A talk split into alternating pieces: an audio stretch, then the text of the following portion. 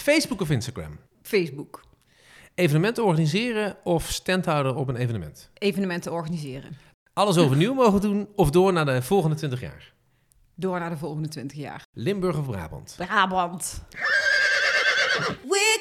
Leuk dat je luistert naar Horse Heroes. De podcast waarin Floor Schoenmakers van EHS Communications nu zelf in een persoonlijk gesprek gaat over haar eigen hippische onderneming. Deze week de laatste uit de eerste reeks, maar niet getreurd. We komen terug na de zomer. We gaan beginnen. Ze heeft al eh 20 jaar EAS Communications en drie jaar Go Social. Ze is ontelbaar keer verhuisd, heeft elke dag minimaal 15 nieuwe ideeën, waarvan ze er minimaal 14 ook realiseert.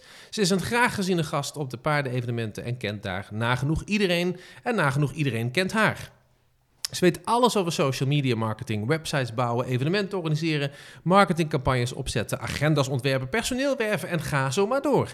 Alles wat ze doet is met minimaal 200% overgave. Of nu gaat om knutselen met haar dochter Lola, voetbaltraining geven aan haar zoon Billy of verjaardagsfeestjes organiseren voor haar verloofde Sylvester. Na 20 super interessante, leuke, inspirerende interviews met gasten aan de andere kant van de microfoon, is het nu tijd om de rollen eens om te draaien.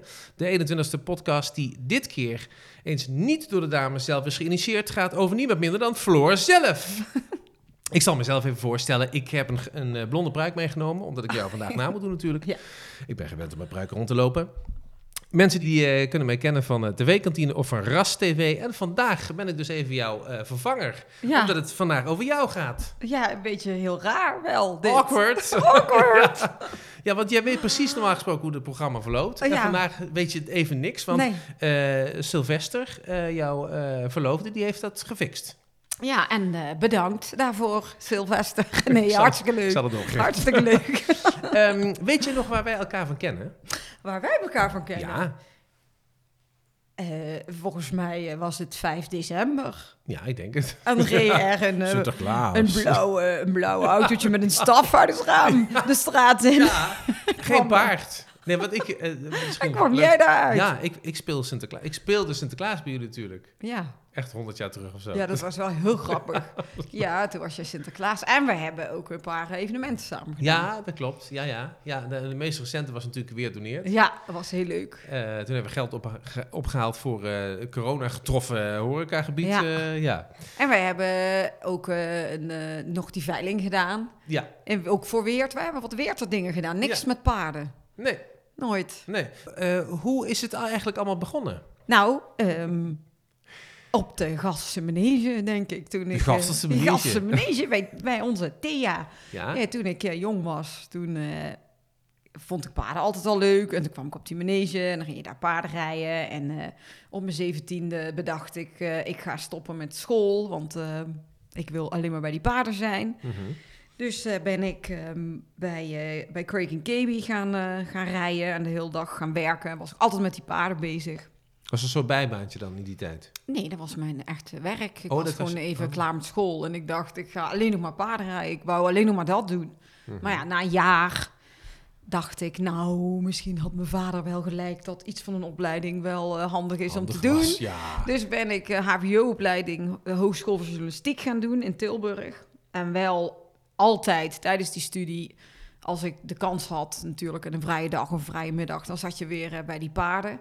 En wat daar heel leuk was, omdat het de Hogeschool van Journalistiek was, dan mocht je een perskaart meenemen van school. Dus dan kon je naar sportevenementen toe. Ja. Dus ik dacht, nou, dat is leuk, want dan kan ik met mijn perskaart naar Indo-Brabant en naar Jumping Amsterdam. En ja.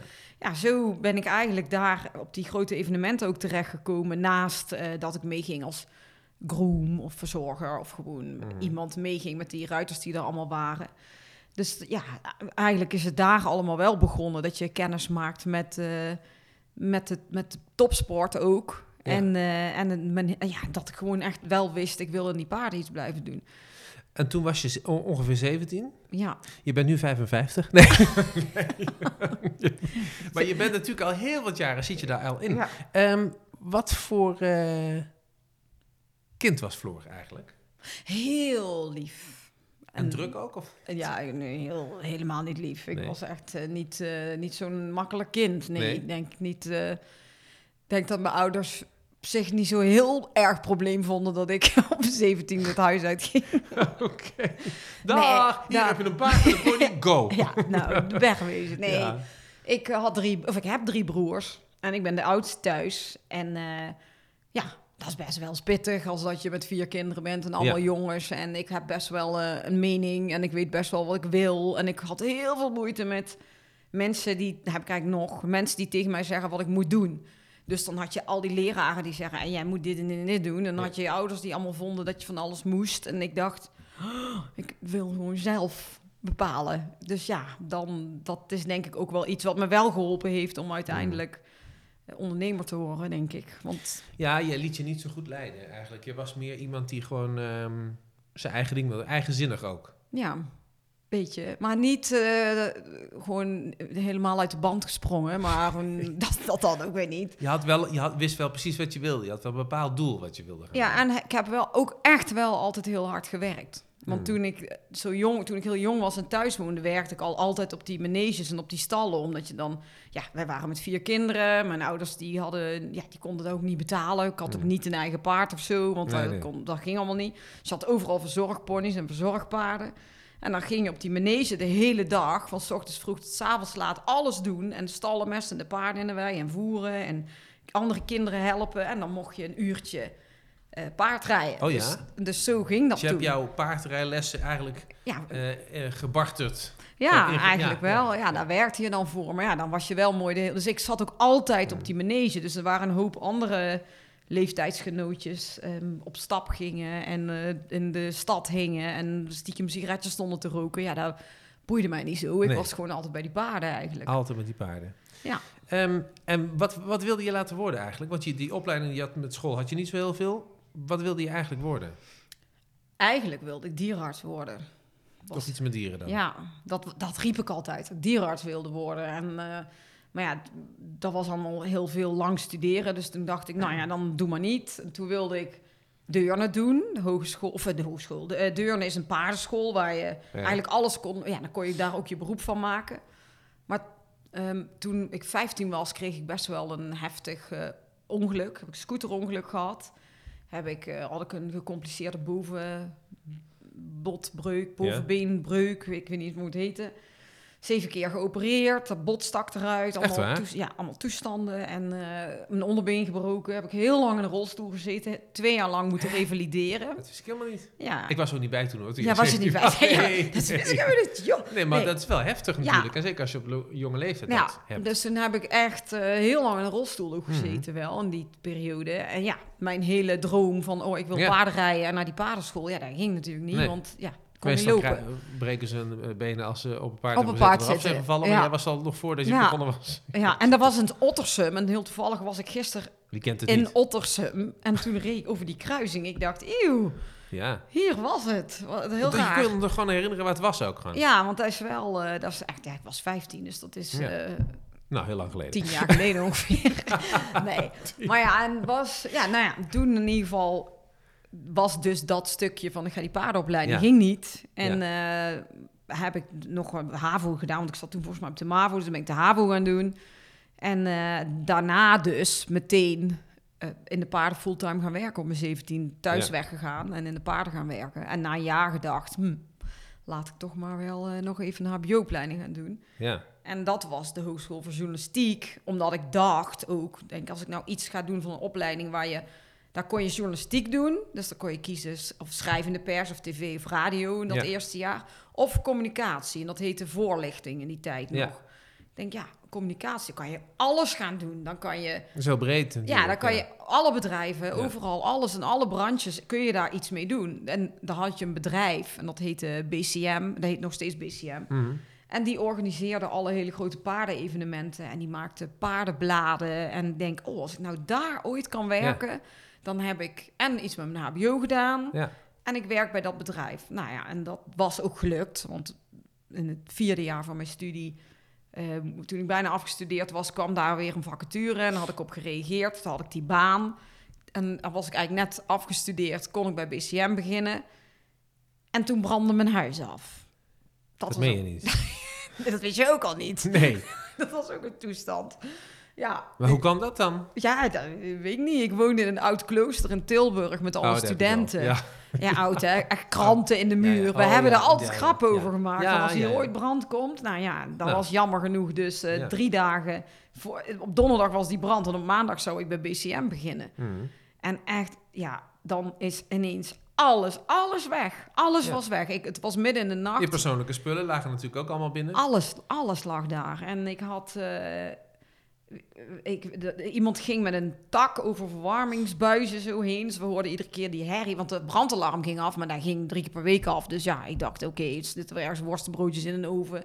Daar keek je eigenlijk niet meer van op, van dat brandalarm. Maar toen Ja. ging ze met een tak over die verwarmingsbuizen. Ik denk, oh, volgens mij is dit toch iets serieuzer. Dus toen werd ik uit bed gerammeld. Was dat het eh, Tilburgse brandsysteem? Ja, dat... Met, een tak over, ja. Nee, dat was Nou. gewoon in dat studentenhuis. Oh. maar, Maar dat ja. was zeg maar om jullie te waarschuwen van... Nou ja, om echt herrie te maken dat er nu echt iets aan de hand Oh, was. zo, en ja. niet eh, dat het gewoon weer voor zoveelste keer de brandalarm was. stomme ding met dat batterijtje wat het Ja, dus toen heb ik echt een trui en een spijkerbroek aangetrokken. En hoe dat oud was je toen? was- Ja, ik denk eh 20, 21 of 21. Dus op, op zich vrij eh, chockerende gebeurtenissen. Eerst dat ongeluk eh, eh, Ja, daarvoor en daarna een brand. ja maar ja, dat, dat was ook weer zoiets. Dan, ik zou dus, dat gebeurde op donderdag, van donderdag op vrijdag. En die maandag zou ik naar BCM gaan. Maar dan fikt alles af. Ja. Dus gewoon, je hebt even, gewoon, je hebt echt niks. Je ik hebt had wat je geen, hebt. je hebt wat je aan hebt, je hebt geen kleren, je hebt geen tandenborstel, je hebt, ik had geen autosleutel, ik had geen paspoort meer, Nee. ik had gewoon niks. Dus ik dacht, oh, oké, en nu? En ik heb eh, in mijn, in mijn studietijd had ik bij de Beekse Bergen stage gelopen en daar best wel veel extra klusjes gedaan. Tijdens mijn stage ook eh, ben ik gids geworden, want ik vond saai alleen maar op kantoor. Dus ik mocht van die directeur die opleiding tot gids, dus ik reed daar rond op een stadsbus. Aan de linkerkant Was zien we... als Bollo de Beer of zo? Nee dat, nee, dat hoeft het niet. Maar wel van de linkerkant zien we de Oh ja. Zebra en bla bla bla. Weet je, allemaal flauwkul.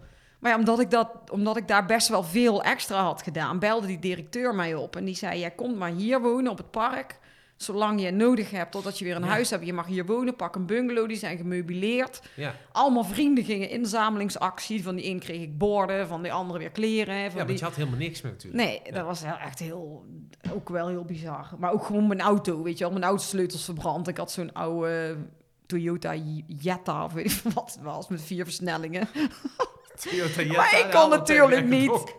Volkswagen Jetta, iets, zoiets. Iets met- Het- Hij was zo warm geworden dat hij gesmolten was. Het was een Toyota Jetta, dames en heren. Toen moest ik BCM bellen eh, op vrijdag. Ja, er is verder helemaal geen vervelende smoes Ik of ben zo. iets later, maar Ja. alles is afgefikt. Ja, maar ik, ik, ik zou maanden komen werken, maar ja, mijn huis is afgebrand. Dus dat was eigenlijk natuurlijk echt zo'n... Wat, het was geen smoes. Ja, en ik denk, oh nee. Maar ja, die waren op zich wel relaxed. Er kwam daar was ook een jongen, Jeroen, die daar werkte. Die kwam mij elke keer halen in de Beekse Bergen... om dan samen naar BC. Kei lieve mensen. Met zo'n golfkarretje zeker. Ja, nee. nee, dat was echt heel leuk. Alleen ik merkte daar wel al vrij snel, ik denk al na een maand of twee, drie, ja, dat ik toch niet zo heel goed ben om voor een baas te werken. Dat, ik weet niet. Het, het- ze hebben niks verkeerd gedaan. Het was niet dat het werk niet leuk was, maar dat hele gevoel weer van iemand die dan staat te zeggen wat Ja. ik moest doen. Ik denk, ik ga het niet meer doen. En toen ben ik toen eigenlijk met EAS begonnen. Ja. Dus- oh, dus je bent ook meteen... Dat was ook meteen de trigger om te denken... Nou, dan ben ik alles kwijt. begin ik ook maar meteen opnieuw, zeg maar. Ja, ik ben toen naar Weert gegaan. Mhm. toen, die- toen het huis afbrandde, ben ik naar Weert gekomen. Omdat eh, er een stal hier was, waar Craig en Kaby, eh, die huurden hier een stal. En daar zaten negen, negen boksen bij en een buitenbak en, en, en weilanden en zo. En daar kon, ik, daar kon ik best wel goedkoop huren. Mhm. Ik denk, nou ja, dan ga ik maar voor mezelf beginnen in de paarden. Sloeg helemaal nergens op. Heb je net heel die hbo-opleiding gedaan. Ga ik toch weer Mhm. een stal beginnen. En bloed kruipt waar het niet gaan kan. Ja. ja. Ja, maar ja, dat was wel eh, in, in combinatie met het rijden en die paarden... dat ik, eh, dat ik met EAS ook ben begonnen. Met het marketing- en communicatiebureau. In het Mhm. begin heel piepklein. Ja, en dat is eh, door de jaren heen... Gaat het dan vanuit een zolderkamertje of hoe, hoe is dat ja, gegaan? letterlijk. Vanaf een slaapkamer. Ja, Daar. Vanaf een slaapkamer, want ja. EAS bestaat nu eh 20 jaar. Er zijn een aantal hoogtepunten. Kun je er een paar noemen? Ik zie hier iets van een Pakistan paarden. Oh my god. Ja, Stampvaarden. Ja, eh, ja dat, dat, dat was wel... eh, Ja, het, EAS is, is natuurlijk een marketing- en communicatiebureau. En eh, gespecialiseerd in de paardenwereld. Dus wij doen, wij maken websites en logo's en huisstijlen en boeken en van alles. social media campagnes, evenementenorganisatie. Dat zijn eigenlijk de normale dingen. Maar er was één klant waar ik, en de, die deden honden, eh, hoe heet het, politiehonden opleiden. Ja. En daar moest ik een brochure voor maken. En eh, nou ja, hartstikke fijne mensen, allemaal, allemaal hartstikke mooi geworden. Die werkten veel met de, met de Pakistaanse overheid samen. Pakistaanse leger ook. Daar moesten zij die honden aan Oh ja? leveren. En toen zeiden ze tegen mij, ja, eh, jij doet veel met die paarden. Nou is er een tender. Kun jij helpen om paarden te regelen voor, voor het Pakistaanse leger? En ik denk, ja, pff, ja, tuurlijk. pony in de Ik dacht, ja, tuurlijk kan ik dat. je Wat heb je nodig? Floor natuurlijk, Nee, hè, politiepaard natuurlijk. Nee, dat was ja, heel. Ik bedoel, je hebt natuurlijk wel eens dat je iemand die gewoon een dressuurpaard of een springpaard zoekt in de normale handel, Ja. zeg maar. Maar dit was wel heel bizar. Want Ja. er, er was een tender en dan, en dan kreeg ik een aanvraag. Nou, die hadden nodig zes Arabieren, z- zes Percherons, zes Cleveland Bays. Nou, allemaal rassen Ja. die ik niet eens kende, weet je wel. Die Cleveland Bays en die Percherons. Ik had echt zoiets, eh, ja, ik weet niet wat het is, opgezocht. Oh ja, een beetje. En dan moest het bijvoorbeeld zijn drie hengsten en dan drie dragende merries. En die moesten allemaal zo hoog en zulke dikke benen, precies. Alsof ze een auto uitzochten, zeg maar. het Deze specificatie echt, gaat dat eh, nodig. Maar echt de meest bizarre specificatie. Maar er was een tender Had uitgeschreven. een zwaailicht nodig en een Ja, ja, ja, Dat waren toch politiepaarden? En dan, en, maar er waren meer mensen die, daar, die zich daarop in konden schrijven. Dus wij hadden, je moet een beetje gokken, wat kosten die paarden gemiddeld? Dus ik had dat, weet ik, we hadden dat een beetje verzonnen. Had ik ook samen met, met Craig weer gedaan. Want ja, die, die ken ik al eh, vanaf, dat ik, eh, vanaf dat ik drie ben ongeveer. En wij doen best wel vaak, als er dat soort dingen zijn wat iets met, met, met paarden te maken heeft, Mhm. dat, we, dat je dat dan samen doet. Dus wij hadden dat lijstje doorgegeven. En toen wonnen we die tender, zeg maar. Dus toen in één keer was het zo, ja, nou, jij in mag het gaan doen. Ga Ja. maar eh, vier, die 34 paarden zoeken. En eh, over eh, die en die periode komt die Pakistaanse regering... Nee, niet de regering, de, het leger hier naartoe. Jij sprak dat vloeiend natuurlijk. Nee, Pakistan- maar ze praten niet tegen mij, want ik ben een vrouw. Hè, dus dat, Oh, was, al, eh, dat was al niet zo handig. Dus er kwam een generaal en dan, nog meer mensen en een dierenarts. En allemaal met, al denk ik, vier auto's. Want die generaal moest in één en de Oh, dierenarts en die tussenpersoon in één. En dan waren wij daar, waren zoiets met vier auto's. Allemaal naar hotels, want ik ben toen echt in dat jaar... want daarom heb jij dat doorgekregen natuurlijk, dat dat wel een hoogtepunt was. Ik denk dat ik twee of drie keer bijna twee weken achter elkaar weg was. Dan gingen we naar, naar Duitsland voor de Hannoveranen. Dan gingen we vandaar naar België ook weer paarden kijken. En dan gingen we door naar Frankrijk voor de Percherons. Van Frankrijk naar Engeland, omdat die Cleveland Bays en die Arabieren daar weer waren. Ja, het was... Ja, je moest eigenlijk paarden scouten eigenlijk. Ja, om- om en dan ging je met die, met die Pakistanen naar al die adressen toe. En Ja. zij gingen dan al die paarden bekijken en, en, en dingen bekijken wat ze ervan vonden. En dan gingen ze zeggen, die willen we wel, die willen we niet, die willen we wel. Nou, en dan moesten al die paarden uiteindelijk weer naar ons toe, naar huis. Dan gingen we ze thuis even allemaal goed voeren en mooi maken en helemaal fatsoenlijk. En dan vlogen ze naar Pakistan. Maar dat was, ja, dat Ze was vlogen zo- naar Pakistan. Ja. ja, het waren allemaal eenhoorns natuurlijk. Ja, nee. Zo. Nou, want hier staat eh, ook eh, vliegen met de paarden, Euro Horse Grooms. Ja. Wat is dat, is dat, heeft dat daar iets mee te maken? Nee, nee ja, dat is wel eh, die, de paarden als paarden verkocht worden naar het Ja. buitenland. Dan heb je speciale transporten. Dan gaan die in, in containers waar zeg maar drie paarden op kunnen. Of een, waar veuletjes Oh, los in elkaar kunnen Mhm. staan. Die bouwen ze daarna, zetten ze die in elkaar. Ja, nee, maar dat, dat zijn wel echt... En als je met die paarden... Want nou, dat zijn twee dingen door elkaar. Die paarden, die Ja. gingen inderdaad naar Pakistan. Daar heb ik verder... Ik ben, ze hebben me wel uitgenodigd om te komen kijken. Maar dat, dat durfde ik eigenlijk niet. Ik denk, laat maar. Kom ik in drie stukken terug. Ja, Geen vooroordelen zoiets, trouwens, nee. maar goed. Nee, Nee, maar, nee, maar dat, nee, dat leek maar die Pakistan, maar dat, dat klinkt heel makkelijk zoals je dat nu zegt. Maar je moet dus eerst gaan scouten. Vervolgens moet je die, die, alles wat je verzameld hebt, moet je dan ook nog op transport zetten. Dat is natuurlijk een enorme onderneming. Dat was heel bizar ook wel om, Met, met om je mee papierwerk en dat soort Ja. dingen moet ook allemaal rond zijn Ja, natuurlijk. en je zit natuurlijk met een heel ander land. Dus je moest ook allemaal papieren hebben van tevoren Ja. om, om, met geld en zo, weet Ja. je wel. Want je, we moeten die paarden allemaal voorkopen. Dus wij Ja. moesten dat allemaal voorfinancieren, die paarden. En dan pas, eh, als ze weggingen en allemaal goed waren, weet je. want Dat is allemaal, het is allemaal goed gegaan. En, maar het- het was wel... Ja, dat, dat, dat heb ik in dat jaar kunnen doen. Dat zou nu nooit meer gaan. Nu Go Social erbij is, heb ik daar echt geen tijd meer voor. Toen was Go Social er nog niet. Dus toen was het eigenlijk wel helemaal te gek om zoiets Ja. een keer mee te maken. Want ja, het is best een cool verhaal op zich wat we toen Ja. hebben gedaan. En dat andere, wat je net zegt van Euro Horse Grooms. Ja. Ik heb ook heel lang in het begin van EAS eh, een, eh, een, eigenlijk een soort uitzendbureau gehad voor paardenmensen. Dus als er dan mensen waren die zochten een groom of een ruiter. Ja, en dan eh, zeiden ze, ja, ik moet nog een groom hebben die meegaat daar en daar naartoe. En dan, ja, dan hadden wij dat bemiddelingsbureau. Maar en natuurlijk, toen ik daarmee begon, was ik zo 23, 24, 25. Mhm.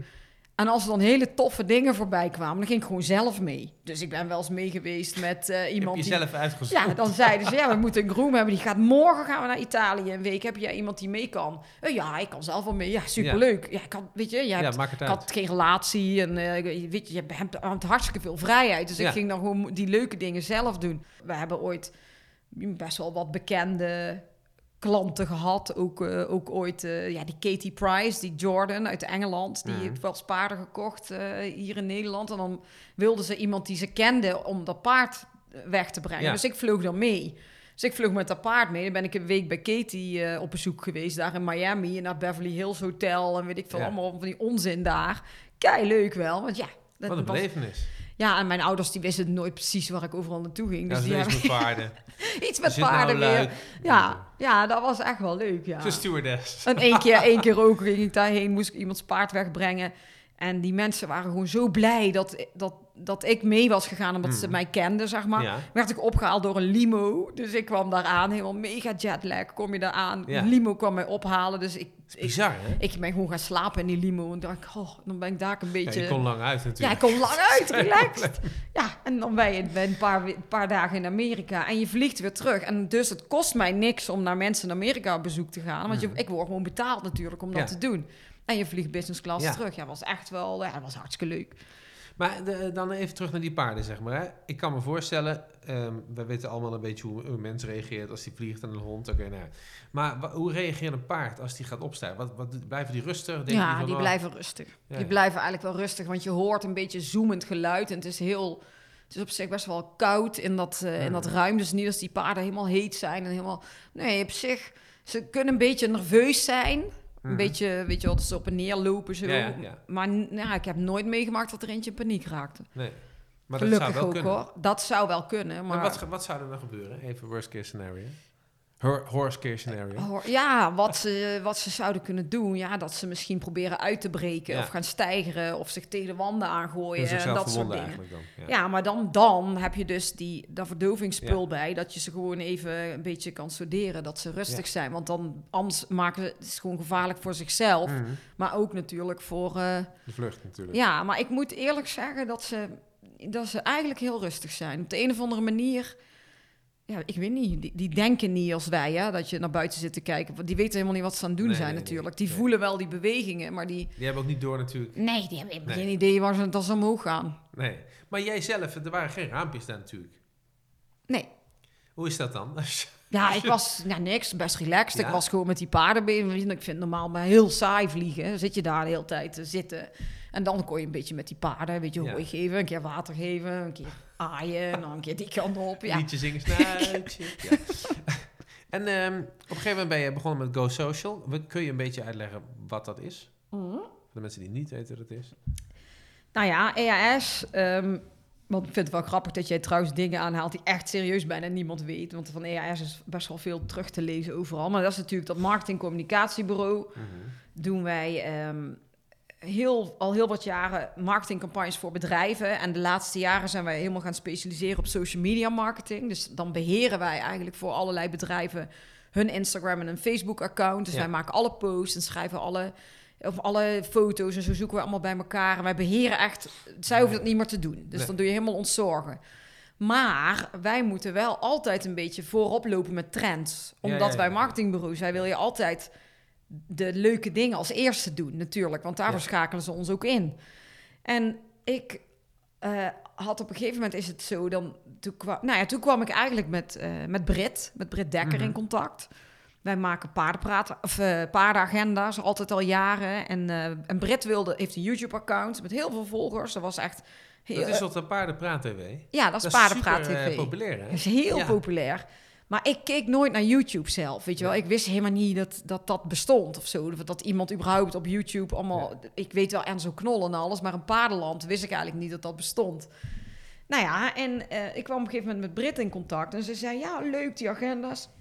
Ik wil graag een eigen agenda. En eh, of ik haar kon helpen. En ik denk, ja, kei leuk, tuurlijk. Ja. Ik maak agenda's, dus eh, dat is alleen maar te gek. Maar ik had wel zoiets, ja, als ik mijn schoolagenda blijf maken... en eh, Brit heeft paardenpraat met al die fans... Ja. Ja. dan ga ik natuurlijk geheid verliezen van Ja. de populariteit van paardenpraat. Ja. Denk, en dan heb ik mijn agenda gestopt. Heb ik, ik had adverteerders daarin voor mensen die de jeugd willen bereiken. Die Mhm. konden natuurlijk adverteren in, eh, in dat kinderagendaatje. Denk, zetten we die bij paardenpraat, gaan we dat samen doen. Helemaal leuk. Nou, superleuk, ook gewoon gedaan. Maar toen ging ik naar dat YouTube kijken. En op een gegeven moment denk je, ja, eigenlijk is het ook kei interessant voor een hoop merken waar wij mee samenwerken. Om die producten op, eh, in die video's te laten zien. Want als Brit zegt, je moet eh, dit t-shirt dragen, of Mm. deze rijlaars, of deze cap. Dat is Dan- een influencer natuurlijk. Dat, hartstikke. En, Ja. en dat was wel dat ik denk, joh, dit is wel iets wat heel goed werkt. Want je kent dat wel bij de, ja, de, de andere vloggers en zo. Maar Ja. in Paardenland bestond dat niet. Toen heb ik aan een stagiaire... Maar er waren ook wel regelmatig merken waarvan ik dacht... ja, dat past eigenlijk niet bij paardenpraat... want die Mhm. hebben echt een hele specifieke Ja. doelgroep. Toen heb ik een stagiaire gevraagd... van wil je eens kijken of er nog meer paarden-YouTube-accounts zijn? Geen idee, ga maar kijken of op Instagram. Nou, zij komt terug met een mega lijst met accounts. Oh ik, ja? ik die accounts allemaal nagekeken. Ik denk, oh, wat leuk dit. Ik denk, ja, als wij nou... Als wij nou een soort eh, bemiddelingsbureau weer Mhm. gaan zijn... of een soort agentschap gaan starten Ja. voor al die influencers... en wij kunnen ze Gericht helpen... pa- op- op gericht, paarden, ja, allemaal. Op, allemaal paardenaccounts. En wij is gaan... een enorme markt dus eigenlijk. Ja, en wij kunnen dan die samenwerkingen, die, of bedrijven waar ik mee werk, misschien koppelen aan een van die influencers. En als zij aanvragen krijgen van merken, ze ook helpen Mhm. met die aanvragen. Want een hoop van die, het zijn heel vaak ook nog best wel jonge mensen. En die, die, die, die hebben echt een- misschien niet echt per se in de gaten van. Kunnen we hier geld voor vragen? Of dat vinden ze heel moeilijk, want een, een merk benadert ze dan. En dan Mhm. zijn ze een soort van: wow, dat merk benadert Ja. mij. En dan gaan ze allemaal voor niks die, die content zitten Ja. maken. Terwijl ik dan denk, ja, hallo eh, bedrijf. Ja. Jij weet best dat dit gewoon marketing Natuurlijk, is. En daar kan gerust voor betaald worden. Dus daar zijn wij eigenlijk op ingesprongen, op die hele trend. Ze probeerden ook een beetje de influencers te beschermen natuurlijk. Ja, ja maar Terwijl dat ze is ook... waarschijnlijk niet eens door hadden dat ze echt een hele grote influencer waren, maar dat waren ze toch Ja, wel. maar doordat wij de- dat een naam hebben gegeven met Go Social Mhm. en Go Social Talents eigenlijk, dat agentschap, heb je in één keer een, een, een aantal accounts in je, in je portfolio, een Ja. soort modellenbureau zeg Ja. maar. En Ja. kun je ook veel breder publiek helpen. Want als iemand bij ons komt die een springruiter zoekt, maar die eigenlijk ook wel eh, ook nog iets heeft voor kleine ponnetjes, Mhm. dan kun je die, die, die accounts zoeken Ja. die iets met springen hebben en bijvoorbeeld met die kleine ponnetjes, om zo die samenwerkingen te doen. Maar dat was een beetje een wild idee van, oh, we gaan dat doen met Go Social. Dan kijk ik wel, eh, of met Talents, dan kijk ik wel Ja. wat er gebeurt. Maar dat is wel compleet ontploft in een paar jaar. Dat is wel, eh dat, dat is echt zo gegroeid. Dat is wel heel leuk, want dat, dat- ja, dat wist ik in eerste instantie natuurlijk ook niet precies wat daar Nee. ging gebeuren. Nee, want, jij, want je beheert dus eigenlijk eh, bijvoorbeeld, ik noem maar wat, van eh, een Enzo Knol, ik noem maar wat. Wel nee, dat is geen paardenaccount. achternaam. Nou, een influencer. Ja, Eh, ik, ik haal Knol aan omdat het natuurlijk paarden, paarden is Knol. ja. Eh, beheer jij eigenlijk eh, de accounts? Dus zij hoeven dan zelf niet meer te posten en niet meer op gezette tijden social media. Is dat wat je dan... Nee, voor die, die influencers. Nee, nee, nee, nee. De influencers die beheren alles zelf. Die bepalen Mhm. hun eigen content, die hebben hun eigen account, die maken al hun posts zelf. Mhm. Voor merken en bedrijven Mhm. die eh, zelf heel druk zijn met ondernemen en Ja. weten dat social media belangrijk is. Voor een heleboel bedrijven beheren wij hun account. Dus wij helpen Ah, ja. dan die content te maken Ja. voor die merken. Maar om dan eh, die, trend, die trends te blijven volgen en iedere keer voorop te lopen, werkt het natuurlijk veel beter door influencers Mhm. eh, te gebruiken. Dus daardoor kwam eigenlijk dat idee van Go Social op een gegeven moment. Dat wij dan, in, in plaats van dat het merk, dat Pickwick thee, zelf gaat zeggen... Pickwick is lekker, drink Pickwick. Mhm. Als eh, Enzo Knol dat gaat zeggen, of, eh, of Robert de Brink, drink Hmm. Pickwick thee, dan wil iedereen nou Pickwick thee. Ja, omdat ik dacht gewoon, als ik juist niet moet ik aan Robert de Oh Brink ja? denken. Ja, heel veel mensen, Dr. Love. maar oké. Ehm, Even iets anders. Hoe ziet in eh, 2021 een dag uit het leven van Floor eruit? In En 2021. natuurlijk hebben we het dan ook over de coronatijd. Die nu alweer een beetje afzwakt, dus laten we het daar niet over hebben. 2021, hoe ziet een dag Hoe ziet een je dag... ehm, Slaap jij eigenlijk wel? ja, Als ik deze lijst zie, denk ik, dat kan haast niet. Jawel, ja, ik slaap heel vroeg. ja, oh, echt, je bent zo'n oude tang. ik hou gewoon van Acht slapen. uur, nou mensen, ik vind het wel welletje. Ja, of zoiets. Iets later. Ja. Nee, ik ga wel echt serieus vroeg naar bed. Maar ik ben meestal ehm, wel voor zeven uur op kantoor. Ja. Oh, dan, Als ik op kantoor ben, dan eh, ben ik voor zeven uur altijd hier. En dan vind ik het heel fijn. En soms eerder. Als het heel mooi weer is, zit ik hier soms wel best veel eerder. Maar dan slaapt de hele wereld nog. Hmm. En dan gaan die appjes nog niet. En dan eh, kan ik gewoon leuk eh, even doen wat ik moet doen voordat die telefoon weer begint. Nou ja, en dan komt hier het personeel allemaal binnen. En dan ben je eerst met je mails en alles aan de gang. Dan hebben we vaak teamoverleg. We zijn eh, echt honderdduizend dingen door elkaar heen Mhm. doen. Want je, ik ben de ene moment misschien een website eh, of teksten voor een website aan het maken. Dan ben je weer een podcast aan het plannen. Dan gaan we een campagne voor, eh, met die influencers doorspreken. Dan moeten we het hele programma samenstellen voor een evenement. Ja. En eh, dan kan de telefoon weer gaan. En dan komt er weer iemand binnen die, eh, die zijn bedrijf wil promoten, een nieuw logo nodig heeft, dat soort dingen. Of ik zit in de auto. Ik ben, ja, het is echt van alles. Want Mhm. een afgelopen weekend, dan is het eigenlijk weekend. Maar dan, dan ben ik twee dagen in eh, Groningen geweest bij, eh, bij ook een klant van ons, waar we dan eh hele fotoshoot hebben gedaan en Insta-takeovers om, om eh, hun demo-dagen te laten zien. Dus dan ga je ook op locatie vaak die Insta-dingen doen, weet je Mhm. wel, ter plekke live.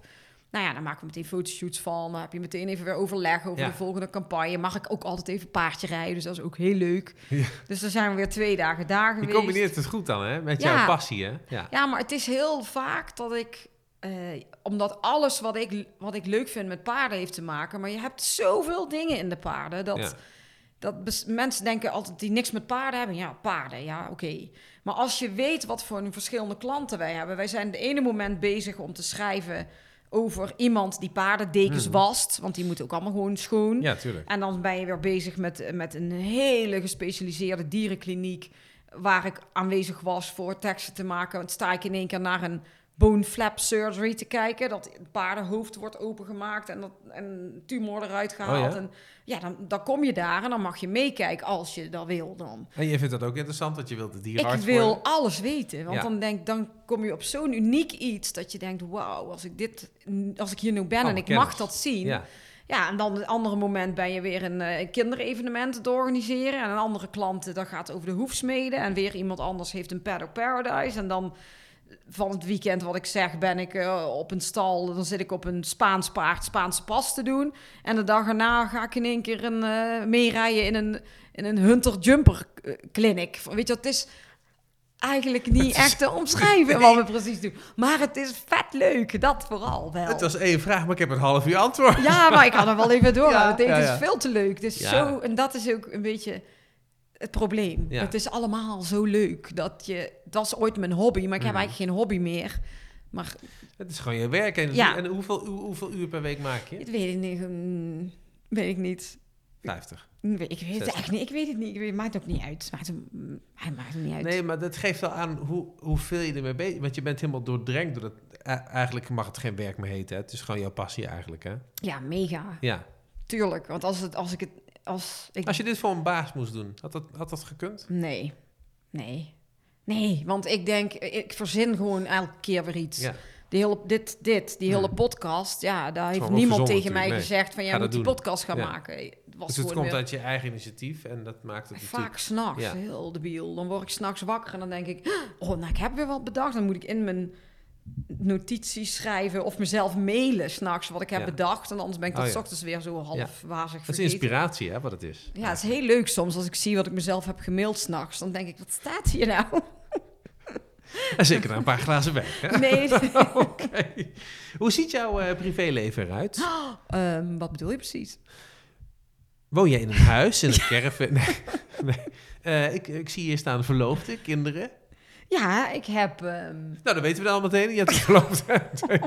Eén of twee kinderen? twee. Twee kinderen. Twee Ja. kinderen. Ik, heb, eh, ik woon inderdaad in Weert. Eigenlijk net zo lang als mijn bedrijf bestaat, woon ik in Weert. En eh, ik heb eh, elf jaar, volgens elf jaar denk ik nu, elf jaar een relatie met Sil, met Sylvester. Dat moet je niet erbij vragen. Ik ben Nee, dat wel, maar ik weet niet met- alles. nee, kijk, dat heb je opgeschreven. Nee, elf jaar. Wij zijn elf jaar samen. Ja, dat En, weten mannen eh, toch niet? En nee, maar eh, en we hebben twee kindjes, Mhm. Lola en Billy. En eh, die zijn eh, nu acht en vijf. Mm. En wij zijn één jaar met z'n tweeën geweest. Eén jaar samen op vakantie, één Ja. jaar samen onder de kerstboom. En het jaar daarna eh, was ik al zwanger, dus eh, dat ging vrij snel. Maar dat was ook helemaal goed, want ik was toen eh, 34 of zo. Oh ja. Ik ben ja. best wel lang eh, vrijgezel geweest voor hem. Even ook alleen maar met dat werk bezig. Ja, dat En, wil ik zeggen. eh, kwam dat ook omdat je altijd bezig was met... Oh, dit is leuk en zo. Dat je ook gewoon niet ermee bezig was. Nee, ja, maar ik heb, ik heb wel eh, natuurlijk daarvoor ook wel relaties gehad. Maar dat, dat was weer een heel... We waren mensen uit de horeca, ook Hmm. wel, wel vaker. Want ik heb ook heel lang eh, in de horeca gewerkt als bijbaan. Ging ik aan, achter de bar staan, lachen, bier Ah. tappen en dat soort dingen. Restaurants, dat Ja. vond ik ook heel leuk. Buiten de paarden. Want ik Ja. werkte toen fulltime in de paarden. En dan Ja. was de horeca een beetje bijbaantje om... eh, gewoon, ja, ik vond dat hele op stap gaan tussen die mensen niet zo leuk. Ik vond Nee. het leuker achter de bar. Ja, Nou, verdiende ik ook nog wat. Ja, zo dat. en eh, nou ja, dan, dan heb je vorige relaties. En eh, pff, ja, op een gegeven moment was ik er even klaar mee. Eén relatie was even niet zo eh, nice. En toen dacht ik, nou, laat mij maar even lekker. daar heb je bitterballen van gemaakt voor die man. nee, nee.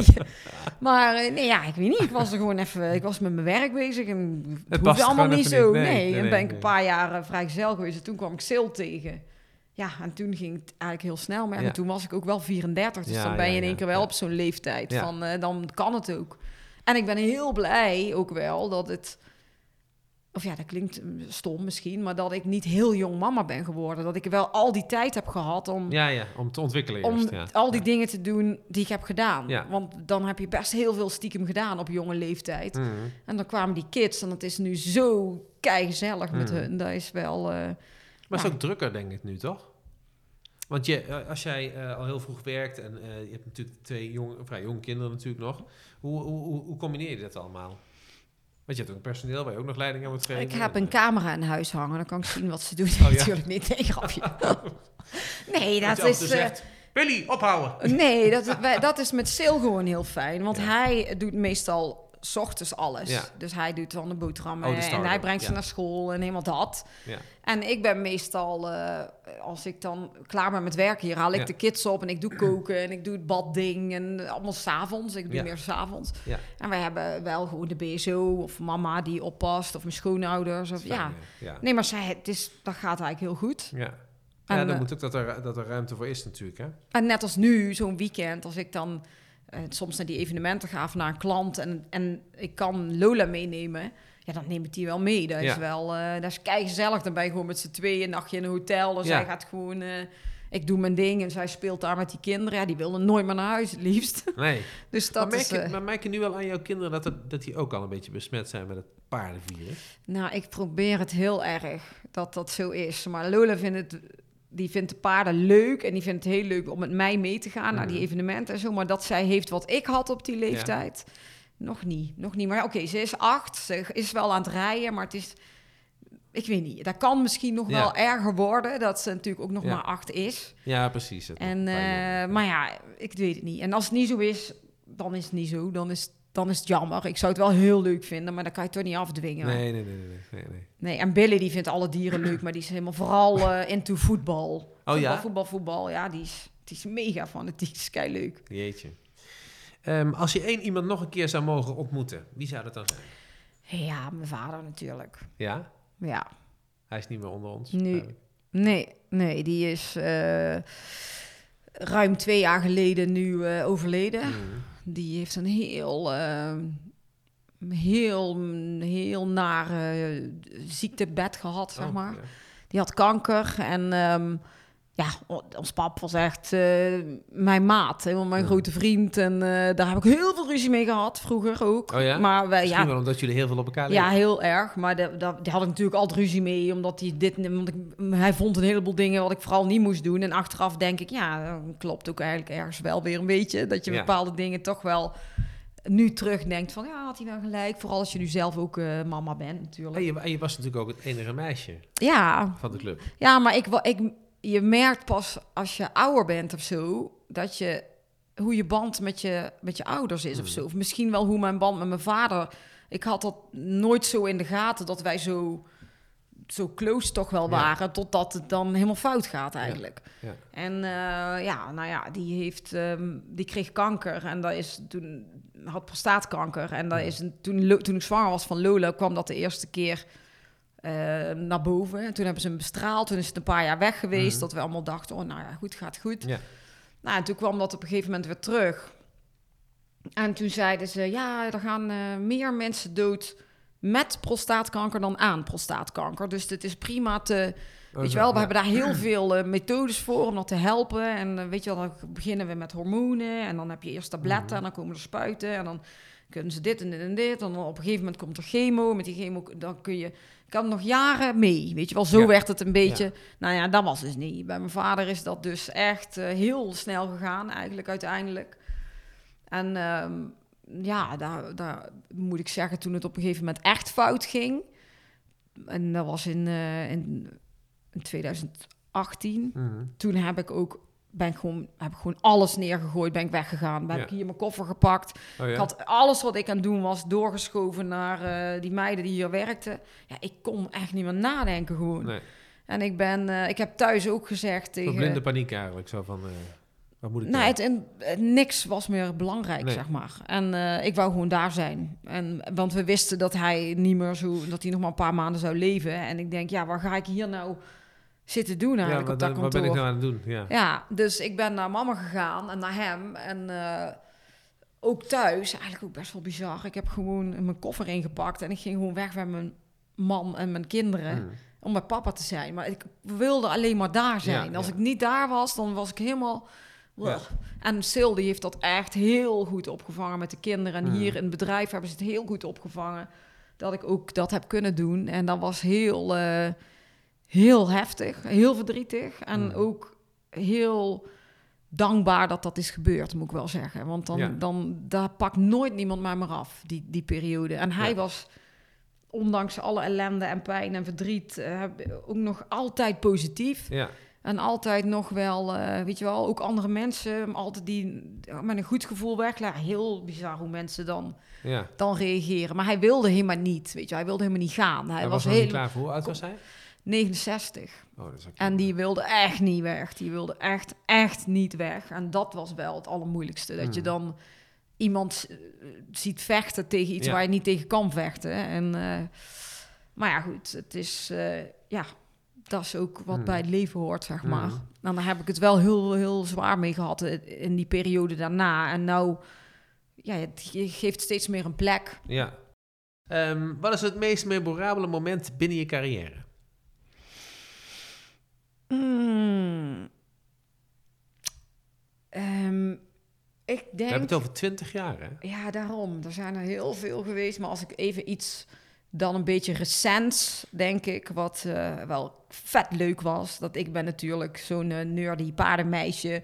Altijd helemaal fan van Ankie. Dat weet ook iedereen. Ankie zelf ook. Ik, was, ik ben helemaal Ankie-fan. Vroeger posters van Ankie. En eh, toen startte ik met Go Social. Oh, en toen startte ik met Go Social. Ja. En mijn lievelingsconcours, alle concours vind ik heel leuk, maar mijn Ja. lievelings is natuurlijk wel altijd Indo-Brabant. Ja. Dat is ook gewoon, weet niet, Brabant en iets speciaals. Gewoon die sfeer altijd helemaal tof. het is een heel groot evenement, hè? Ja, en toen hadden we de lancering van Go Social daar in eh, 2018, begin 2018. En ehm, toen stond ik op het podium, want toen mocht ik daar aan al het publiek en al die kinderen, aan de pers en aan iedereen die er was, gaan presenteren wat Go Hmm. Social was. Wat ik dus Ja. ging doen met die influencers.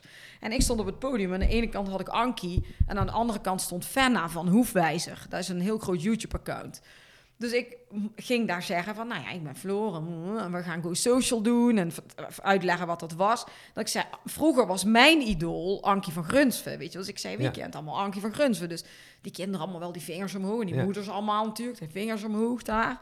Ik zeg, ja, wie kent Fenna? En al die kinderen, "Wee!" Oh ja? En ik denk, jeetje, dus dit is Ja. nu hoe de tijd is. Dat Fenna is het, de, De girl Ankie next door. nee, helemaal niet. Want Ankie, die heeft echt eh, allemaal gouden plakken. En Oh, zo, eh, ja, eh, ja. 14 keer Nederlands kampioen. En weet Ja. ik veel wat, zoveel Olympische Spelen. Die kan mega paardrijden, wat ongelooflijk is wat zij Dat doet. is gewoon een living En, legend. en Fenna is gewoon de girl next door met een fjord pony die zonder zadel door de wei heen chased, maar die heel veel volgers heeft op YouTube en die kei leuk en lief met die pony is, maar wat heel toegankelijk is voor die kinderen.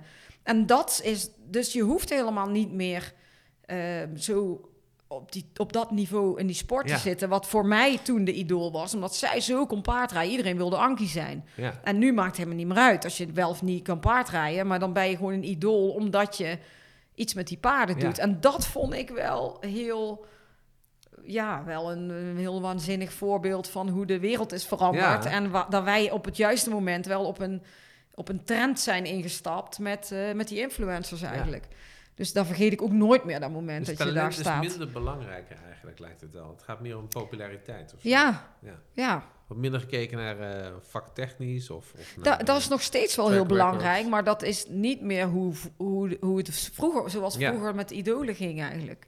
Ja, precies. Ja, want eh, als, als ik het vergelijk met eh, de presentatoren van nu, zeg maar, dan wordt er ook heel vaak gekeken naar, oké, eh, we moeten, we hebben een nieuw programma, eh, Ja. we gaan daar mensen voor kiezen. Ehm, wie heeft de meeste volgers? Daar gaat dan toch een beetje de keuze naar uit. Ja, Gek is dat, hè? Ehm, wat is de grootste gok die je ooit hebt genomen? ik zie nou een gezicht voor me dat ik denk, ah, dan komt een verhaal. nee, ik, ja, toch wel de start met Go Social. Met die Ja. influencers allemaal. Omdat je natuurlijk al die jaren gewoon EAS hebt en had en daarmee... ehm, ik, had mijn, ik had mijn kantoor op plekken. Ik heb een paar keer mijn kantoor ook verhuisd. En toen ik met Go Social begon, ben ik naar dit pand gegaan. Wat echt gewoon een heel stuk groter is als waar ik zat. Ik heb meer personeel aangenomen. Je, je, ja, je krijgt in één keer veel meer zichtbaarheid, veel meer verwachtingen. Al die Mhm. accounts hebben ook allemaal verwachtingen. Mhm.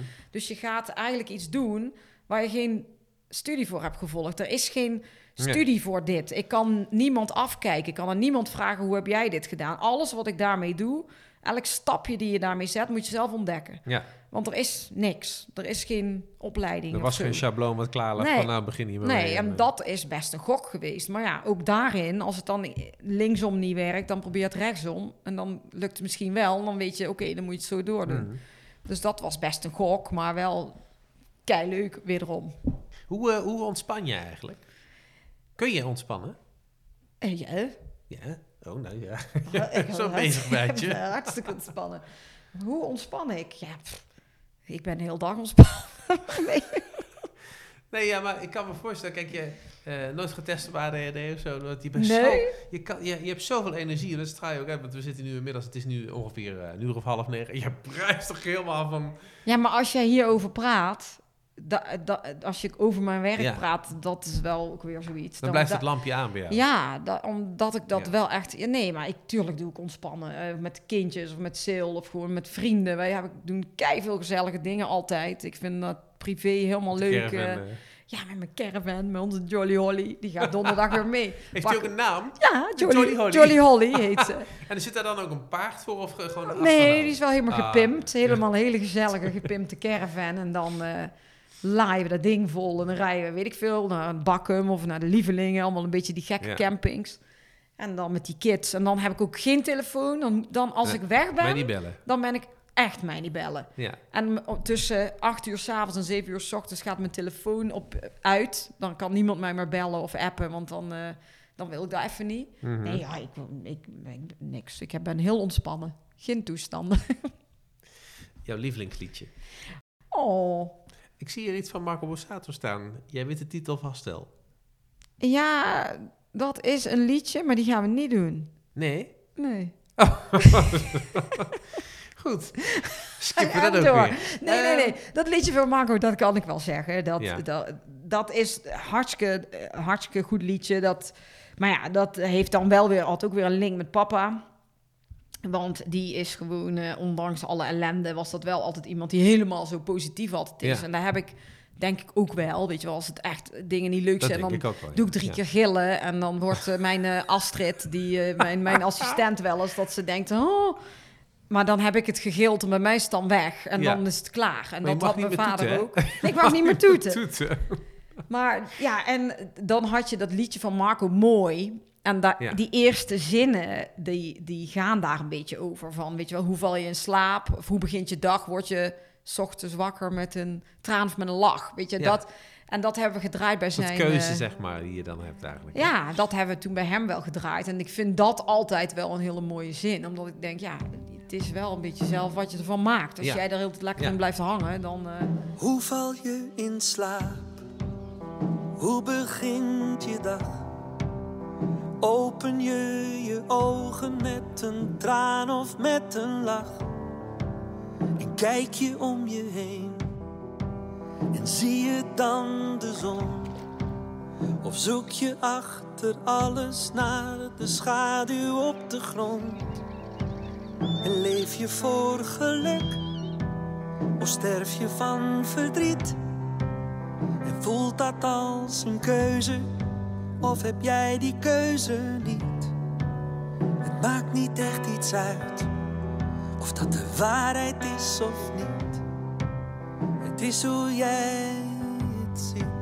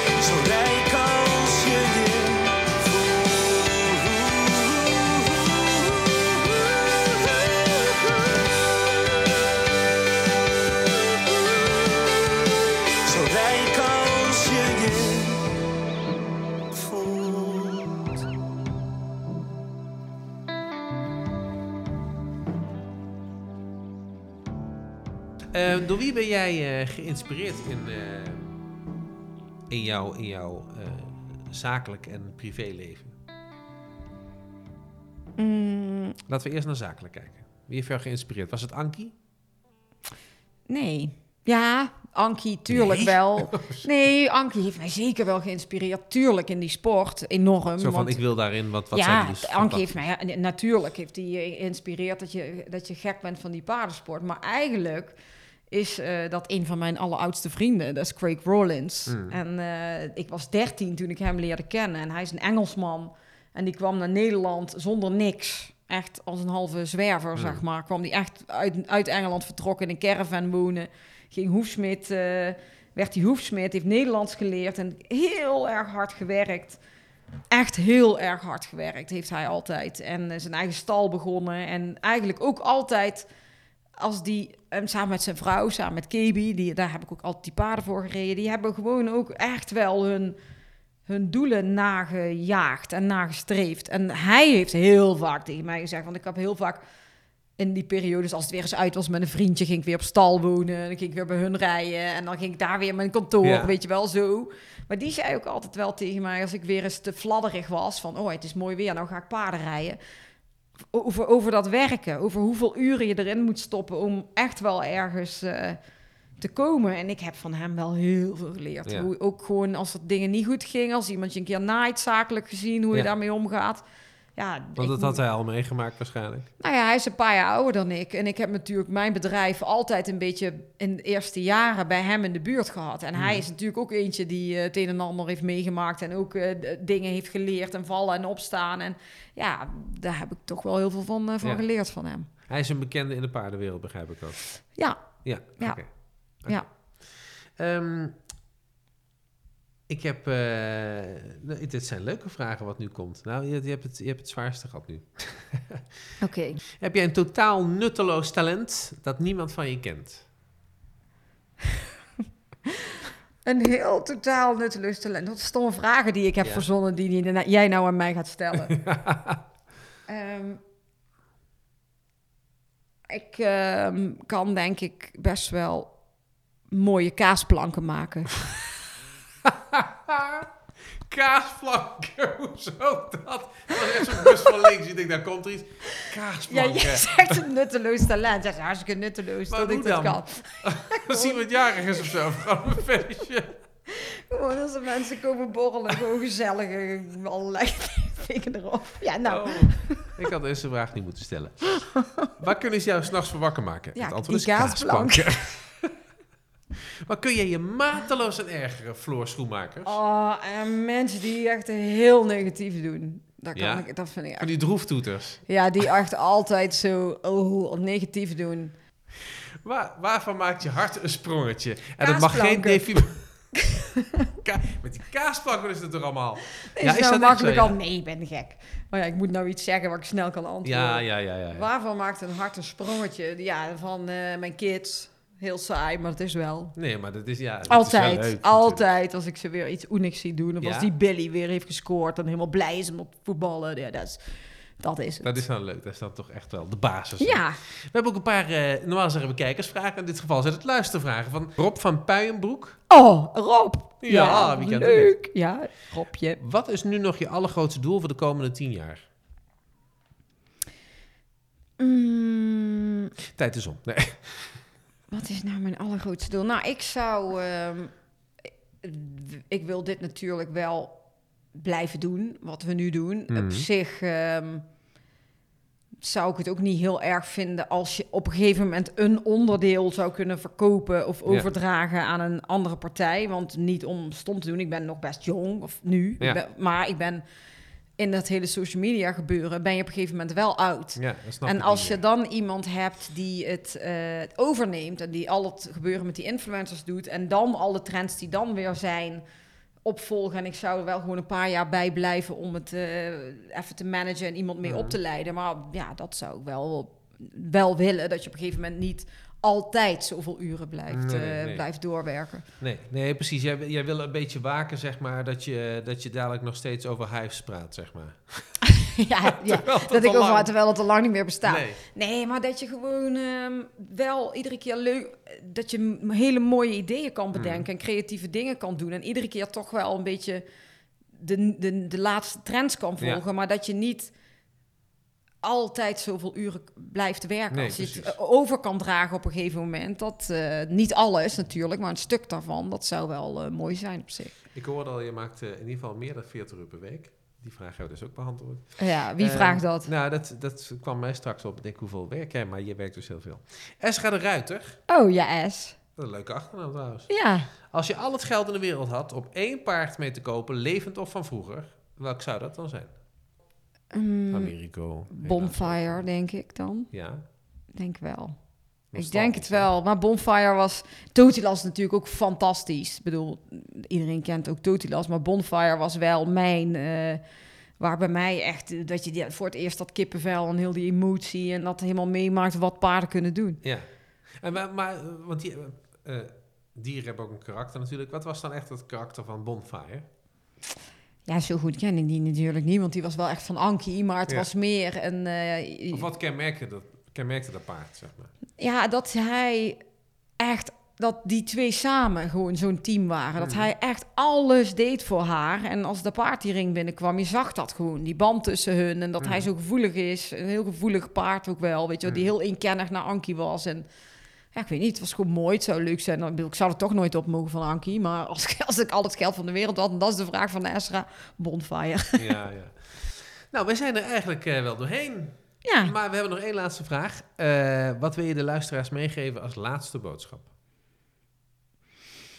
Als laatste boodschap. Nou ja, dat ik eh, het heel leuk vind dat deze podcast zo echt toch wel heel veel luisteraars Mm. heeft gekregen. Want ik ben het een beetje als ja, een beetje als grap gaan doen. Omdat Ja. 20 jaar EAS. eh, ik Ja. zei na 20 jaar, dat bedrijf bestaat 20 jaar, ga ik 20 podcasts opnemen met mensen die, die ik heel leuk vond, die ik heel lang niet heb gesproken in die coronaperiode. En ik denk, ik zei het straks al tegen jou, ja, ik weet eh, dat er een paar hele trouwe fans zijn. Maar ik denk als ik het dadelijk voor die drie hele trouwe fans elke week Ja. de podcast maak. Maar het zijn echt duizenden mensen geworden. En dat is wel tof. Dus ik wil eigenlijk ook wel zeggen dat we na de zomer, want dit, dit was nu een beetje een, een verrassing van Ja. jullie eh, naar mij toe Ja. allemaal. Natuurlijk om te Eh, vieren dat eh EAS 20 jaar bestaat. Dus Ja. Dat is ook de 21ste podcast, begreep ik. Ja, ja, Ja. ja. Ik heb nog één, nog. Dus de eh, bonus. ja, en, maar dus eh, ook mensen, dit was eigenlijk de bedoeling 20 en dan stop. Mhm. Maar na de zomer ga ik wel eh, door met een seizoen 2. En dan zijn er ook voor alle andere, allerlei bedrijven en personen die het leuk vinden... om ook een keer in de podcast te gast Ja. te zijn, mogelijkheden. mogelijkheden. Want ik wil dan gewoon die één op één Oh, ja. gesprekken blijven doen. Maar ook duo-gesprekken. Ja. Dus dat ze bijvoorbeeld werknemer, werkgever of Ja. coach en trainer... of eh, coach en ruiter of weet ik veel net wat. Dat je die duo-interviews doet... En dat ik eh, ook live op locatie bij evenementen of bijeenkomsten podcast opneem. Dus als er open dag is of een concours of een, en dan maak je gewoon dagverslag en dat komt dan diezelfde dag ook al online. Dus we gaan eh, nog allemaal leuke dingen doen. En ja, dus dat. Het stopt niet. We gaan door, maar wel na de zomervakantie. Dus eigenlijk is dat een leuke scoop. Ja, Er komt meer. daar komt meer, ja. Heel goed, heel goed. Eh, bedankt voor het luisteren en graag tot de volgende keer. Maar dan weer met Floor Schoenmakers. Ja, nou, superleuk. En eh, bedankt voor eh, dit, deze omwenteling van wat ik gewend ben. En eh, tot na de zomer. Dankjewel. We could be heroes.